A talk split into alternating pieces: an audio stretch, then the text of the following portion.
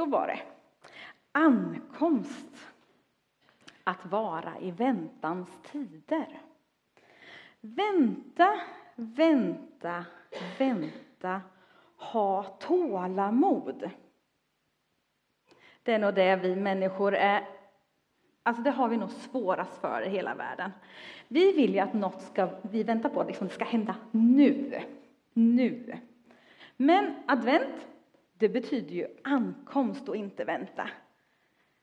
Men för att något eller någon ska ankomma så finns det ibland en viss väntetid innan det sker. Hänger ni med? Mm. Om man säger till ett barn, typ i Liams ålder, min sjuåring, att på lördag ska vi åka till Liseberg. Så vet man att varje dag tills det blir lördag så kommer det frågas. Eh, är det lördag idag? Är det idag vi ska åka till Liseberg? Nej, det var inte lördag, det var bara måndag. Är det lördag idag? Nej, det var bara tisdag. Är det lördag idag? Nej, bara onsdag. Och så står man liksom med kryssschema och gör pedagogiskt ett kryss på lördagen, en ring runt. Men det är liksom ändå så långt bort när man är sju år och ska göra något riktigt kul. Och det är därför många av oss föräldrar har lagt till med en ovana eh, att berätta vad som ska ske ganska nära inpå. Typ att det är en överraskningsresa, eller kanske på morgonen så att frukosten går ganska snabbt. Liksom. Då vet man att nu åker vi. Mm. Eh, för vi vuxna, vi vet ju att livet händer. Helt plötsligt så har någon blivit sjuk och planerna behöver justeras. Och så orkar vi inte riktigt höra den här frågan hela veckan. Är det lördag idag? Jag liksom, ja, orkar inte bemöta den hela veckan. Inför en sån utflykt så behöver man ju inte jättemycket förberedelser. Eh, man kollar väderleksprognosen. Ska man åka nu så, eh, på julmarknaden så behöver man liksom klä på sig rätt bra och sådär. Eh, och så kollar man, ja, man kanske packar lite matsäck så man har liksom ett mål med sig och lite så. Och så behöver man liksom ha lite pengar på kontot, det är bra att kolla upp också innan man ger sig iväg så att man kan typ köpa, köpa åkband eller köpa någon lott eller så. Mm. Det är liksom en Lisebergslördag, det, då, då klarar man sig. En annan väntan som kan kännas ganska lång eh, är när man är gravid eller väntar nedkomst på något annat sätt.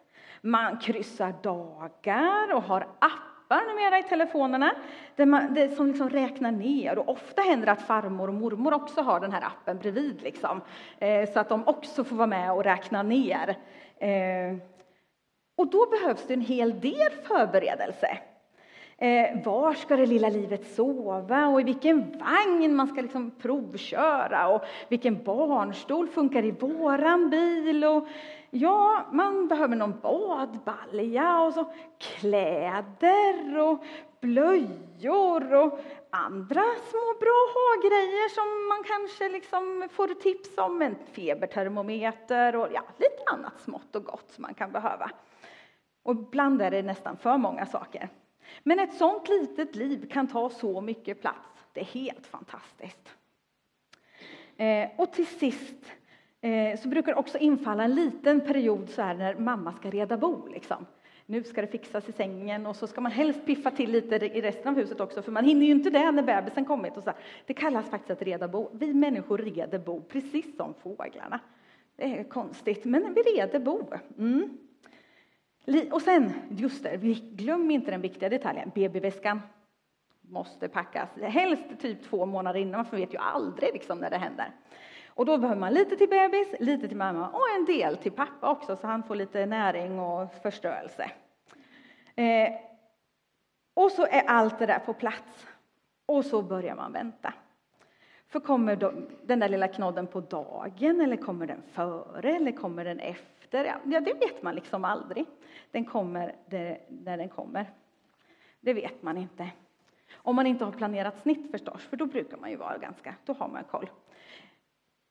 Och Är det så att man väntar nedkomst på ett annat sätt, man kanske är adopterad, då är det liksom så här att då är det ju inte för klart riktigt förrän sista stämpeln är stämplad och man typ har gått på flygplanet, liksom man känner nu är vi på väg. För innan det så vågar man inte riktigt tro att det här är sant, även om man har förberett sig och väntat väldigt länge. Och mitt i den här all förberedelsetiden, som när man ska vänta liksom ett litet nedkomst till ett litet barn, då tänker jag att då får vi ha en väldigt stor respekt för Maria, Jesu mamma, som mitt i sin väntan också får veta att nu lilla vän ska vi ut och resa. Vi ska ta en liten sväng här eh, ifrån från norra, liksom, till, från Nasaret ner till Betlehem. En liten sväng tar vi på en, ja, Fågelvägen åtta mil, men kanske tio mil sådär. Promenerandes, ja. En liten utflykt till Motala, sådär, promenadstråket upp innan december här. Det känns som att jag skulle inte vilja vara med på det en, som liksom vanlig människa, utan att vara höggravid. Mm. Men då komma fram till en helt för henne okänd plats och då vänta på att undret ska ankomma. Det måste vara en ganska, ja, all respekt för Maria. Några andra som också väntar tålmodigt fortfarande, det är faktiskt judarna. De väntar fortfarande på sin Messias ankomst. Eh, men här, vid intåget i Jerusalem, som vi faktiskt har sjungit om och vi har läst om i bibelordet idag, eh, så var det ju jättemånga människor som hade förstått vem Jesus var, även då för 2000 år sedan. De liksom förberedde sig att yes, nu ska våran kung ta över. Och de liksom såg ju honom komma på åsnan där och de bredde ut mantlarna och de ropade Hosianna och var så lyckliga och bara yes, nu blir det fest. Alltså de förberedde sig på värsta övertagandet där. Men så blir det ju inte alls som de hade tänkt sig. Det är lite grann som när man har tänkt åka till Liseberg och någon blir sjuk. Inte alls som man har tänkt sig. Nej, för judarna där som hade förberett sig för världens fest, efter en vecka så var ju allt bara sorg och kaos. För vi vet ju vad som hände under påsken. Och det är här vi kommer in, för vi tror faktiskt att under påsken så dog Jesus för oss, men han återuppstod också. Eh, så vi är ju liksom snarare på andra sidan den här ankomsten, tänker jag.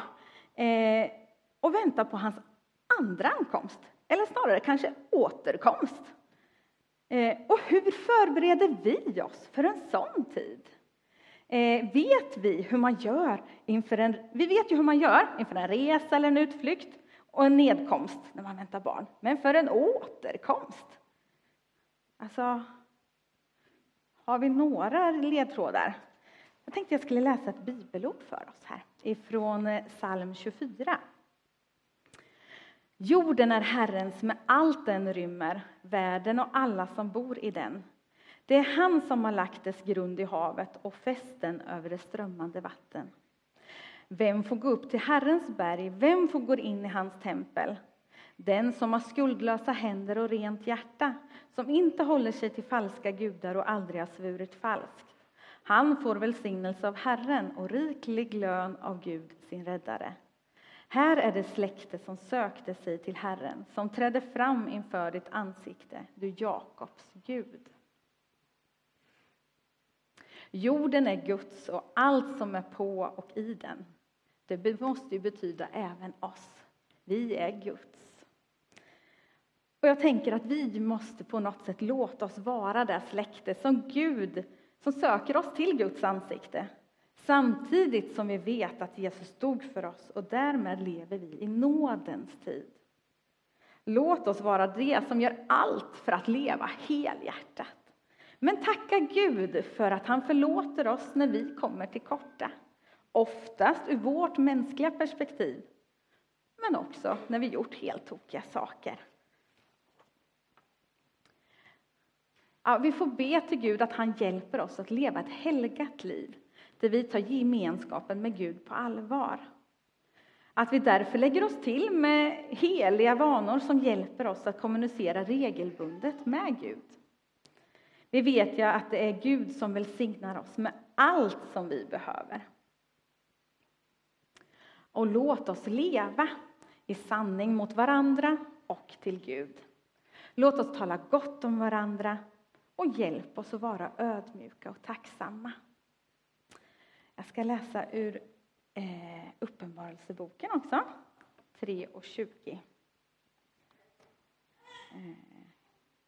Nu står jag vid dörren och knackar. Om någon hör min röst och öppnar dörren ska jag komma in till honom och vi ska äta tillsammans som vänner. Den som segrar över ondskan ska få sitta bredvid mig på min tro på samma sätt som jag sitter bredvid min far på hans tron eftersom jag har vunnit seger. Ja, tänk att vi ska få komma på fest. Det är ju en sån festsöndag idag. Där vi får sitta ner och bjuda, eller vi får bjuda in den som knackar på våran dörr. Eh, och få säga välkommen in och välkommen hem.